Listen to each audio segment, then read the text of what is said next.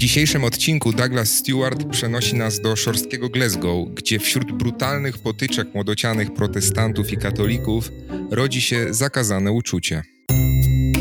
Na miły Bóg. Rozmawiajmy o książkach. Podcast literacki. Cześć, dzień dobry. Witamy w ostatnim odcinku przed wakacjami. Za nami miesiąc Pride, w niektórych krajach zresztą no, nadal celebrowany, a my tradycyjnie świętujemy go sięgając po książkę dotyczącą tematyki LGBT, chociaż chyba warto zaznaczyć, że po tego typu literaturę sięgamy też w innych miesiącach, nie tylko w czerwcu. Cześć Kamilu. O czym dzisiaj porozmawiamy? Cześć Maćku, cześć wszystkim. E, będziemy dzisiaj rozmawiali o młodym Mango Douglasa Stewarda, e, książce wydanej przez wydawnictwo poznańskie w tłumaczeniu Macieja Studenckiego. I zaraz przejdziemy do rozmowy o autorze i jego powieści, ale skoro wspomniałeś, że jest miesiąc Pride y, i rozmawiamy o literaturze z historią LGBT, to jeszcze w telegraficznym skrócie podsumujmy może o jakich powieściach z takim właśnie wątkiem e, mówiliśmy w naszym podcaście, bo przejrzałem nasze odcinki i trochę się tego e, nazbierało. Rozpoczęliśmy w zasadzie nasz podcast od powieści, e, w której głównym bohaterem był gej w podeszłym wieku. Mowa o Marnym, nagrodzonym Pulitzerem autorstwa Andrew Shona Greera. Mówiliśmy też o wspaniałym, stymulującym intelektualnie eseju Argonauci na temat transpłciowości tym razem, autorstwa Maggie Nelson. E, następne w kolejności były mm, Niepokój przychodzi o zmierzchu Marieke Lukasa Reinewelda, Klub koreański Alana Hollinghursta i trzy książki Eduarda Louis, e, Historia przemocy, Kto zabił mojego ojca oraz ostatnio podjęta przez nas e, w burzliwej dyskusji książka Zmagania i metamorfozy kobiety. Poza tym nie możemy też zapomnieć o fenomenalnym powrocie do Rans Didiera Eribon, na którego powołujemy się w wielu odcinkach, e, bardzo dobrym upamiętnieniu Briana Washingtona, no i po części też e, książce Empuzjon Olki Tokarczuk, która w taki nieoczywisty i, i niejednoznaczny sposób również odnosi się do pewnej inności w kwestii płci. I tak patrząc na listę naszych odcinków, to chyba tyle, ale całkiem sporo takich pozycji nam się uzbierało. Ok, teraz myślę, że możemy już przejść do meritum naszego dzisiejszego odcinka, czyli do powieści Douglasa e, Stewarta. To powiedzmy szybko na wstępie, o czym jest Młody Mango. E, z opisu wydawcy dowiadujemy się, że to historia dwóch młodych mężczyzn i uczucia, które nigdy nie powinno się narodzić. Trochę zaczyna się jak Romeo i Julia, tym bardziej, że dalej wydawca pisze: Protestant Mango i katolik James dorastają na jednym z robotniczych osiedli Glasgow w świecie zdominowanym przez przemoc, alkoholizm i uliczne walki gangów powinni być śmiertelnymi wrogami, jednak wbrew przeciwnościom losu zaprzyjaźniają się, a z czasem zakochują. Swoją miłość muszą starannie ukrywać przed światem, zwłaszcza przed starszym bratem e, Manga, szefem jednego z gangów. Mango i James marzą o wyrwaniu się z szarego, brutalnego świata, w którym nie ma dla nich ani dla ich uczuć miejsca. Młody Mango to porywająca i czuła opowieść o dorastaniu, więzach rodzinnych, znaczeniu męskości i skali przemocy, z jaką spotykają się ci, których społeczeństwo nazywa odmieńcami. To także historia ryzyka wiążącego się z kochaniem kogoś za bardzo i na przekór wszystkiemu.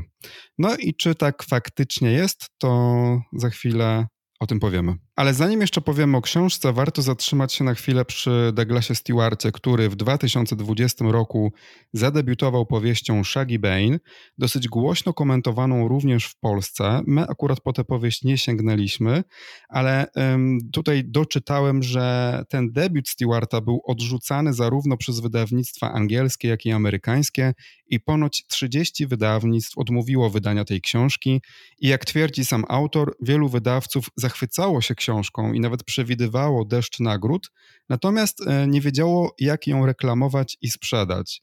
I był to oczywiście olbrzymi błąd, bo po tym jak powieść e, została wydana przez Groove Press, niezależne wydawnictwo w USA, została nagrodzona Bookerem. Tu też taka smutna konstatacja, że wielu wydawców e, przyznało wprost, że książka im się podoba i nawet przewidzieli, że zostanie nagrodzona, natomiast ponieważ nie wiedzieli, jak ją sprzedać, nie zgadzały się rachunki, no to nie zdecydowali się jej wydać. Jest to troszeczkę słabe, że literatura, czy dobra literatura się nie broni w obliczu jakiegoś tam Excela, powiedzmy. E, książka sprzedała się w liczbie prawie dwóch e, milionów sztuk, co jest przecież oszałamiającym wynikiem i niech żałują ci, którzy nie chcieli jej wydać. Wspomniałem, że książkę odrzucili wydawcy zarówno angielscy właśnie, jak i amerykańscy, bo taki też jest trochę życiorys e, Stewarta. Ten pisarz pochodzi ze Szkocji, ale w wieku 24 lat wyemigrował do Stanów Zjednoczonych, gdzie mieszka od 23 lat i tam właśnie osiągnął sukces, co ciekawe, na rynku modowym. Natomiast literacki debiut e, tego autora opowiada historię dorastania nastoletniego chłopca na przełomie lat 80. i 90. minionego wieku, żyjącego w Glasgow, wywodzącego się z klasy robotniczej, mierzącego się z wieloma problemami, innymi z alkoholizmem matki i szykanami w szkole, bo Shaggy jest uważany za zniewieściałego i niepasującego do otoczenia. Chłopiec jest gejem. Powieść jest napisana po angielsku, ale dialogi są szkockie i wspominam tyle o tym debiucie dlatego, że wydaje mi się być to bardzo ważnym elementem w rozmowie właśnie o młodym Mango. Tak, szczególnie, że wiele tych elementów, które pojawiają się zarówno e, w Shaggy Bane, jak i w Młodym Mango, dotyczy bezpośrednio autora. Ten alkoholizm matki, e, między innymi, e, jest wzięty z jego życia, dlatego pewnie też potem pojawia się w różnych opowieściach. Ale weźmy na przykład też jeden z głównych elementów tej książki, czyli umiejscowienie tych dwóch powieści, czyli tak jak już wspomniałeś, Glasgow E, to jest jednocześnie miasto pochodzenia Douglasa Stewarda. No i e, pełni znaczącą rolę w tych powieściach jest bardzo specyficznym miejscem, o którym autor mówi w taki sposób. Glasgow jest miastem pełnym współczucia i humanizmu. Gdybym prawił mu wyłącznie komplementy, to byłoby to sprzeczne z duchem jego mieszkańców, bo ci najbardziej cenią sobie szczerość i bezpośredniość. Glasgow jest dumnym miastem, jego mieszkańcy chlubią się ciężką pracą, ale mają też dla siebie zrozumienie i troskę.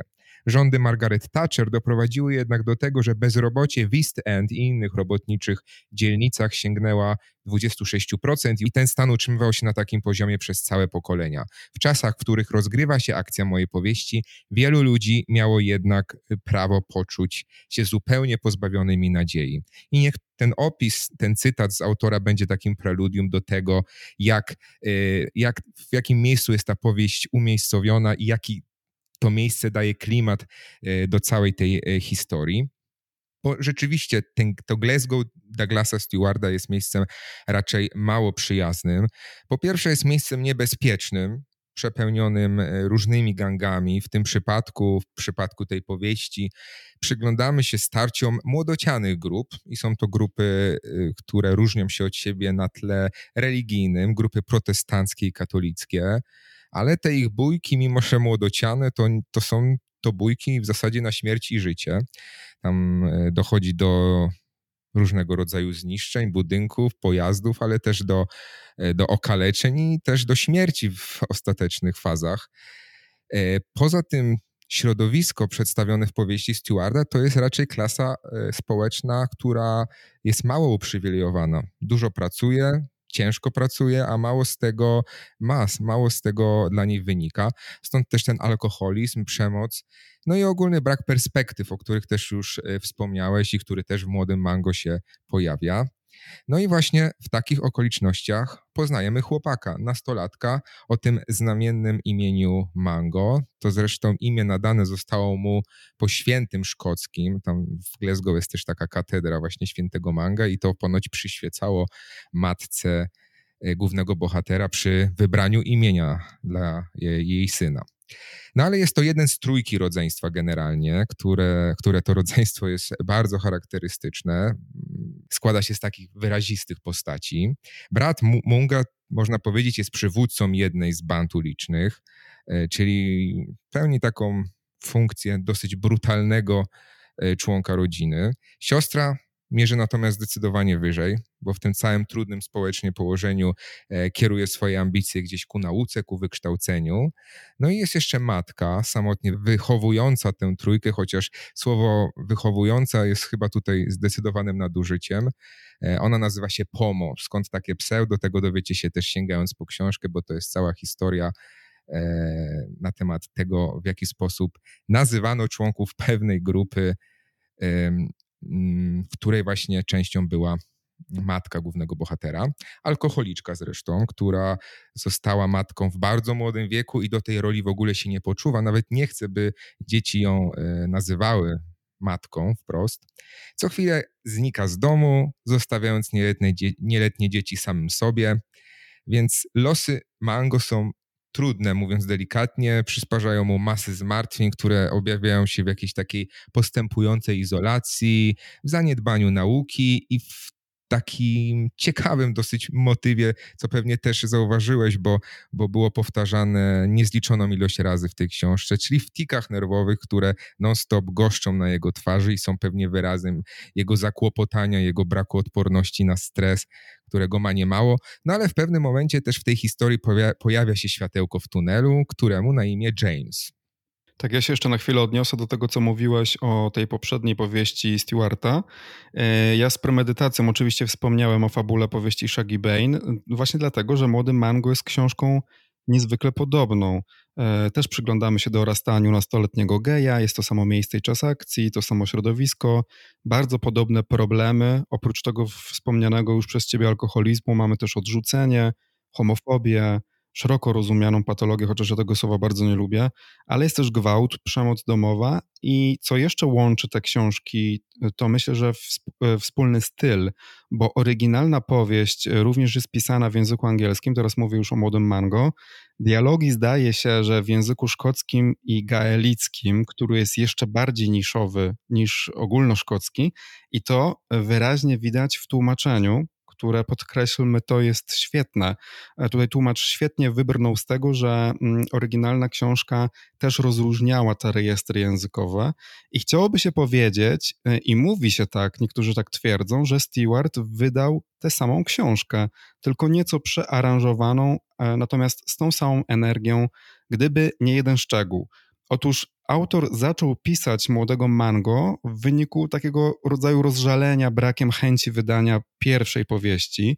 E, no i mi tutaj się wydaje naturalne, że osadził powieść w tych samych realiach i dotknął tych samych problemów, e, co w tym manuskrypcie powieści odrzuconej przez tylu wydawców, no bo to są zapewne tematy, które po prostu go palą od środka. I co ciekawe, zanim dostał Bookera za swój debiut, zdążył już ukończyć Młodego Mango. Mówię o tym, bo właśnie słyszę zarzuty o pisanie tej samej książki, tymczasem wynika z tego, że przed otrzymaniem Bookera obie te książki były już napisane i gotowe.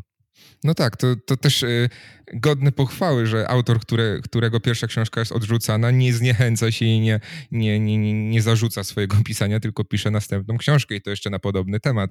Szapoba. Tak, a potem dostaje Bookera i wydawca wysyła mu maila, masz coś jeszcze? Albo masz coś nowego? A on mówi, tak, mam. I wyciąga nową powieść i bam.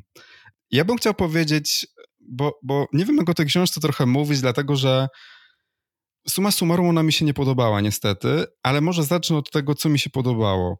Bo w, e, podoba mi się to, że autor oddał głos bohaterom z marginesów społeczeństwa. No to może nie jest jakieś nowatorskie podejście w literaturze, ale ja wychodzę z założenia, że im więcej, tym lepiej.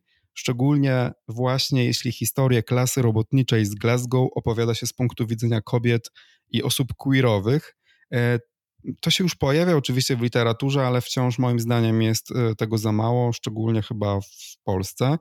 I Douglas Stewart e, też pochodzi z klasy robotniczej. On wychował się w biedzie, tak jak wspomniałeś. E, I też w jednym z wywiadów z kolei ja czytałem, że przyznał, że ma żal o to, że aby móc opowiedzieć historię ludzi pracujących, musiał się niemalże wspiąć do klasy średniej, co oczywiście dzwoni dzwoneczek pod tytułem Edward Louis.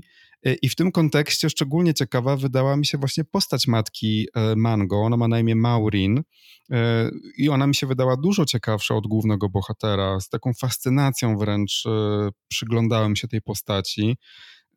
Począwszy w ogóle od tego, że w relacji syna i matki jest coś takiego freudowskiego, bo autor nawet używa zwrotu, że oboje poruszali się niczym młodzi kochankowie, E, no a kończąc na motywacjach e, Maureen, która opuszcza swoje dzieci, bo to właśnie robi w wieku 36 lat. Powiedziałeś, że ich nie wychowuje, że nie chce, znika z domu, że nie chce, żeby nazywali ją matką. E, ale to jest bardzo ciekawa postać, taka dwuznaczna moim zdaniem, bo ona, ona nie chce być wyłącznie samotną matką, która ma słabość do alkoholu I też myślę, że wiele czytelników i czytelniczek może odczytywać tę postać tak bardzo jeden do jeden, jako tak zwaną wyrodną matkę, czy właśnie alkoholiczkę. Tymczasem jest to postać, która ma dużo większe aspiracje, niż by nam się mogło wydawać. I ona uważa, że jej także należy się coś od życia, że ona również miała ciężkie dzieciństwo. Y, czasami twierdzi, że to dzieci są powodem jej nieszczęścia. No i jedyne, czego pragnie, to być kochana. E, I ten temat porzucenia e, własnego dziecka przez matkę no, wydaje mi się niezwykle interesujący, bo oczywiście on nadal funkcjonuje w kulturze jako temat tabu, a zazwyczaj zapomina się właśnie przy tej okazji o perspektywie matki, od której wymaga się najczęściej absolutnego poświęcenia i bezwarunkowej miłości. To są dosyć skomplikowane sprawy i tutaj Stewart bardzo fajnie je niuansuje i ten fragment książki, ten wątek sprawił mi dużą przyjemność czytelniczą. Mhm. Ja się może nie wypowiem na temat samej bohaterki Pomo na łamach tego podcastu. Wolałbym skupić się na relacji, jaka łączyła ją z synem, bo ona była rzeczywiście znamienna. Mungo w tej relacji przyjmuje taką niespotykaną rolę opiekuna nad matką. Jest w zasadzie w pełni zaangażowany w to, aby no nie wiem, wydostać ją z każdych tarapatów, w które ona przez alkohol wpada, aby położyć ją do łóżka w stanie odurzenia, przygotować posiłek, a nawet z nią spać wtulonym w jej ciało, zapewniając jej przy tym jakieś takie poczucie bezpieczeństwa i bliskości. Myślę, że to byłaby sytuacja bardzo dezorientująca i kłopotliwa dla większości nastolatków, gdyby byli y, częścią takiej sytuacji, ale Mungo jednak w jakiś sposób się w niej odnajduje i w zasadzie nie wyobraża sobie, aby mógł zostawić matkę samą, mimo że ta zupełnie, właśnie tak jak wspomniałeś, w tej roli opiekunki w ogóle się nie sprawdza, nie zapewnia wręcz podstawowych e, elementów e, wychowania, funkcjonowania swoim dzieciom. I Mungo mm, wpada w taki punkt uzależnienia, jest bardzo mocno uzależniony od trzymania pieczy nad matką, do tego stopnia, że on nawet w perspektywie szans na zaznanie normalnego życia, na wyjście z tej biedy, z tej patologii, z tego uzależnienia toksycznego, właśnie za sprawą nowej relacji z Jamesem, którego imię, imię, już wymieniłem, i wyjechania z miejsca, w którym żyje. Nie, on ciągle myśli o tym, że ma swoje obowiązki względem e, matki. E, I z tego względu właśnie te marzenia o własnym szczęściu powinien odłożyć na bok. Pod tym względem zażartuję tutaj sobie, chociaż nie wiem, czy to stosowne, nadanie mu tego imienia po świętym jest jak najbardziej zasadne, bo to jest wręcz ofiara, poświęcenie już takie masochistyczne względem drugiej osoby. To jest bardzo ciekawe, bo właśnie takie zachowanie głównego bohatera jest e, charakterystyczne dla pierwszej części tej książki, ale Mango to jest bohater e, dynamiczny i nie da się ukryć, że cała ta historia głównego bohatera jest historią dojrzewania, które właśnie przebiega na oczach czytelnika. E, I jest to proces trudny, czasami y, wynika y, właśnie z nowych, pięknych uczuć, takich jak te dzielone z Jamesem czy z siostrą, z którą ma wyjątkowo dobre relacje ale czasami to, y, to dojrzewanie jest pochodną bardzo brutalnych wydarzeń, takich jak te, które na przykład przytrafiają się Mango na obozie na północy Szkocji. To też jest taka y, duża część tej książki, opowieść o tym właśnie obozie, na który pojechał pod przymusem matki y, z dwoma byłymi więźniami, którzy mieli zrobić z niego mężczyznę. I tutaj właśnie chciałem się powstrzymać od oceny tej kobiety, bo ten motyw wysyłania dzieci z nieznajomymi, e, z mężczyznami, którzy odsiedzieli wyrok w więzieniu na taki właśnie obóz, na którym mają zrobić z niego mężczyznę, jest wysoce nieodpowiedzialne. I nie wiem, czy znajduję w tej kobiecie jakieś elementy do usprawiedliwienia, bo tego typu sytuacje mi po prostu przesłaniają e, możliwość obrony. Natomiast y, względem opisu tego dojrzewania to jest książka bardzo szczera i bezkompromisowa, właśnie opowiadająca o procesie wchodzenia w dorosłość ze wszystkimi tymi wzlotami i upadkami, jakie z tego wynikają, i mnie to przekonuje. Sprawia, że ta książka ma w sobie taka, taką głębię i to dno, które czytelniczo mnie satysfakcjonuje.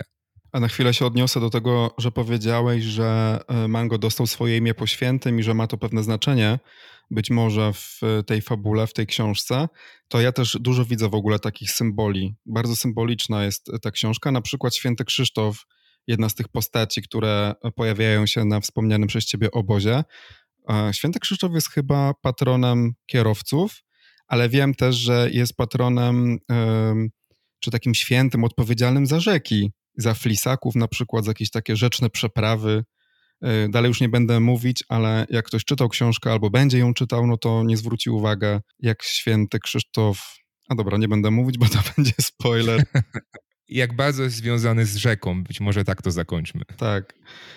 To ja może będę kontynuował ten temat. Co mi się jeszcze w tej książce podobało, to na przykład właśnie motyw wojny gangów. E, przy czym o ile w czasach mojej młodości gangi raczej rekrutowały się z kiboli po prostu albo w takich łagodniejszych wariantach e, z mieszkańców różnych osiedli, no to tak właśnie w książce Stewarta są to katolicy kontra protestanci i przyznam, że e, chyba nie miałem takiej świadomości, że mm, w, właśnie w Szkocji, w Glasgow tak to mogło wyglądać, że, że właśnie katolicy i protestanci tutaj będą się E, kolokwialnie mówiąc, naparzać i, i, i właśnie będzie się to kończyło też niestety czasem śmiercią. I zbudowanie wątku miłosnego między bohaterami, właśnie wywodzącymi się z tych dwóch różnych światów, e, też wydało mi się ciekawe, chociaż mm, jak już powiedziałem na początku, e, przyszło mi do głowy właśnie Romeo i Julia, czyli jednak klasyk, mhm. czyli właśnie, prawda, romans dwóch osób pochodzących z dwóch różnych światów i związany z tym konflikt. E, tutaj mi się w ogóle wydaje, że nie do końca wykorzystano potencjał tej relacji i konfliktu. Mi w ogóle zabrakło trochę ognia w tej miłości tych dwóch chłopaków, no ale też rozumiem ten rejestr, prawda, tej książki e, ten cień rzucany przez Glasgow i całe to otoczenie na, na, bohaterów, więc wyobrażam sobie, że tak to pewnie miało być. No ja właśnie bałem się, że to pójdzie za bardzo w stronę Romeo i Julii, a uważam osobiście, że to dobrze, że autor e, właśnie nie wykorzystał tej wojny katolicko-protestanckiej na tło, której wprowadzono wątek zakazanej miłości w jakiś bardziej rozległy E, i poważny sposób, e, bo to by mogło tak trącić powieleniem właśnie schematów z tych klasyków literackich, gdzie przedstawiciel jednego rodu musi walczyć z całym środowiskiem, aby móc e, być z tym swoim wybrankiem czy wybranką z wrogiego rodu.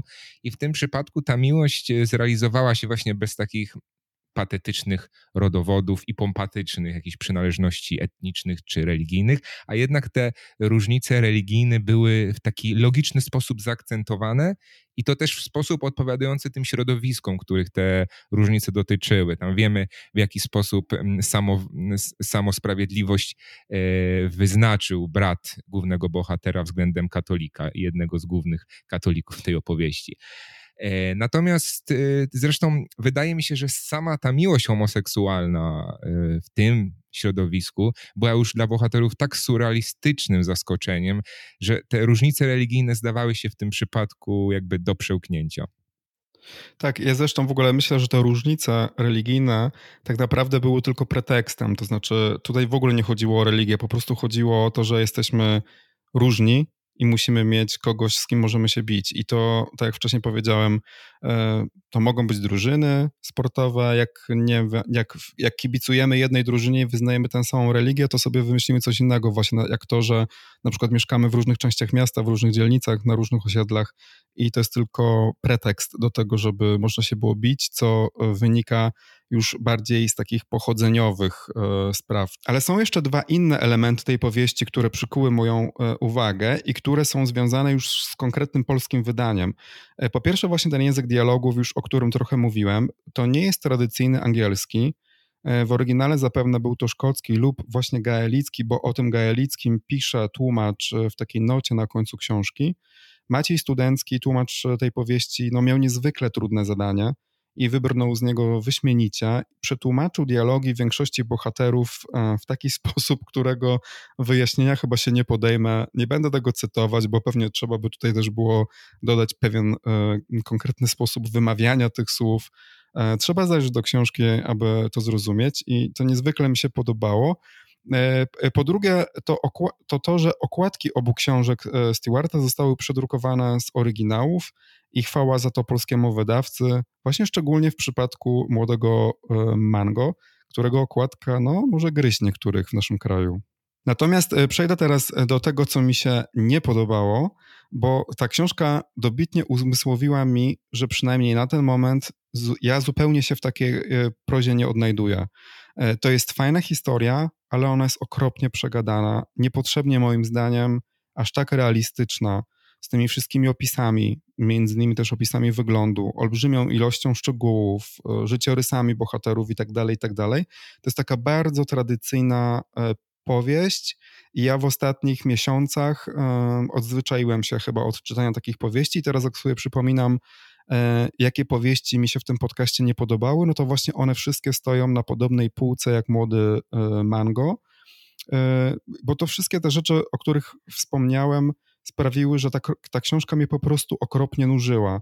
Powieść ma 440 stron, czcionka jest relatywnie mała, a w pierwszej połowie tej książki no tak naprawdę niewiele się dzieje. E, I podkreślam, że to jest książka bardzo dobrze napisana, z dobrym pomysłem na fabułę, ale moim zdaniem mało angażująca. To znaczy mnie w ogóle nie zaangażowała w tym sensie, że nie chciało mi się wracać do niej. I nie znalazłem w niej też żadnej głębszej myśli albo czegoś, co na przykład byłoby dla mnie jakimś odkryciem. No, może poza tym, że ci katolicy z protestantami tam ze sobą walczyli, ale sam sobie to przed chwilą wytłumaczyłem, że właściwie ta, gdyby nie ta religia, to pewnie byłoby to coś innego, więc jakby nie jest to jakoś wiele znaczące. Nie było tam dla mnie czegoś, co, co, co byłoby nowe, odkrywcze, co byłoby takim punktem, nad którym mógłbym się zastanowić, jakimś katalizatorem refleksji, e, że tak powiem. E, po prostu wszystko, co jest w tej książce, już gdzieś było. Poza tym Młody Mango kojarzy się wielu osobom z małym życiem Jana Gichary i słusznie, bo no, oprócz tego dosyć przygnębiającego klimatu przemocy seksualnej, e, te książki są również bardzo podobne pod względem stylu. Właśnie przed chwilą o tym mówiłem. Ja do dzisiaj pamiętam jedną z pierwszych scen Małego Życia, w której bohaterowie jedzą w azjatyckiej knajpie, rozmawiając i autorka wymienia składniki jedzonej przez bohaterów potrawy. E, już wtedy wydawało mi się to nużące, a dzisiaj wydaje mi się to absurdalnie nudne. I o ile uważam Młode Życie za jedną z ciekawszych książek, jakie było mi dane kiedyś przeczytać, o tyle właśnie młody mango niestety nie zostanie na długo e, w mojej głowie. Teraz właśnie nie wiem, z czego to wynika, bo może to właśnie wynikać z tego, że Małe Życie czytałem gdzieś tam na początku swojej e, przygody z czytaniem powieści e, i zastanawiam się na przykład, jakbym odebrał Małe Życie, gdybym czytał je teraz. I czy czasami by nie było tak właśnie jak z Młodym Mango, że jednak tę książkę bym odrzucił? Po przeczytaniu, nie wiem, około 200 powieści na przykład, bo mniej więcej tyle przeczytałem między tymi dwiema książkami, wiem, czego szukam w literaturze i niestety no, nie są to książki Douglasa Stewarta. Myślę, że rozumiem o co ci chodzi. Wiem, co możesz mieć na myśli, bo jest taki typ powieści, które określiłbym e, mianem ambitnej obyczajówki i właśnie zaliczyłbym Młodego Mango do tej kategorii. Y, myślę sobie, jakie inne książki podejmowaliśmy w podcaście, które zostawia, zostawiały we mnie podobne odczucia i może się ze mną zgodzisz albo nie, ale wskazałbym chyba Patrię, obietnice i upamiętnienie. Takie mi pierwsze przychodzą do głowy, bo to są po prostu dobrze opowiedziane historie, ale podane właśnie w dosyć oczywisty, fabularnie sposób, e, z powtarzalnymi motywami, ale jednak te motywy są osadzone w jakichś nieoczywistych warunkach. Cofając się jeszcze do Małego Życia, o którym tyle powiedziałeś, uważam, że to jest książka bardziej efekciarska. Tam jest e, tyle patologii e, seksualnej właśnie, że to w jakiś sposób zaskakuje, zdumiewa i, i przez to jakby wciąga w tą fabułę, bo chcesz wiedzieć, czy można napisać jeszcze o, o czymś bardziej przykrym. No ale młody Mango to według mnie jest jednak dobra obyczajówka e, i całkiem zniuansowana opowieść. E, dla mnie najbardziej właśnie w tej warstwie pokazującej proces e, dojrzewania bohatera, początku właśnie dostrzegania jakichś zjawisk, elementów, które wcześniej wydawały się być czymś zupełnie innym, czyli w zasadzie to wszystko, to, co dotyczy nas, nas wszystkich, kiedy się trochę, nie wiem, przepoczwarzamy z nastolatków dorosłych i to jest bardzo dobrze pokazane w postaci tego młodego e, chłopaka Mango. I w przeciwieństwie do ciebie jednak uważam, że to jest wciągająca fabuła bo opisy tej zdumiewającej, oburzającej patologii seksualnej osadzonej w tym obozowym, przygodowym wręcz klimacie, e, no mnie się czytało z wypiekami na policzkach, gdzieś tam kibicując głównemu bohaterowi, e, mając nadzieję, że cała ta historia skończy się lepiej niż może się wydawać, że się skończy.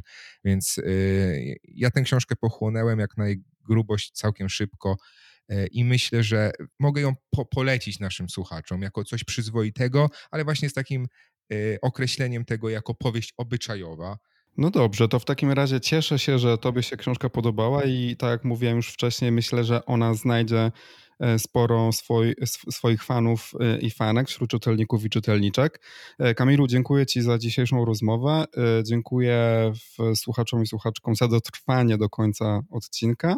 No i pozostaje nam życzyć Wam wesołych, ciepłych, słonecznych wakacji, bo my sobie robimy taką trochę dłuższą przerwę E, którą spożytkujemy na czytanie no, opus magnum pewnej znanej pisarki.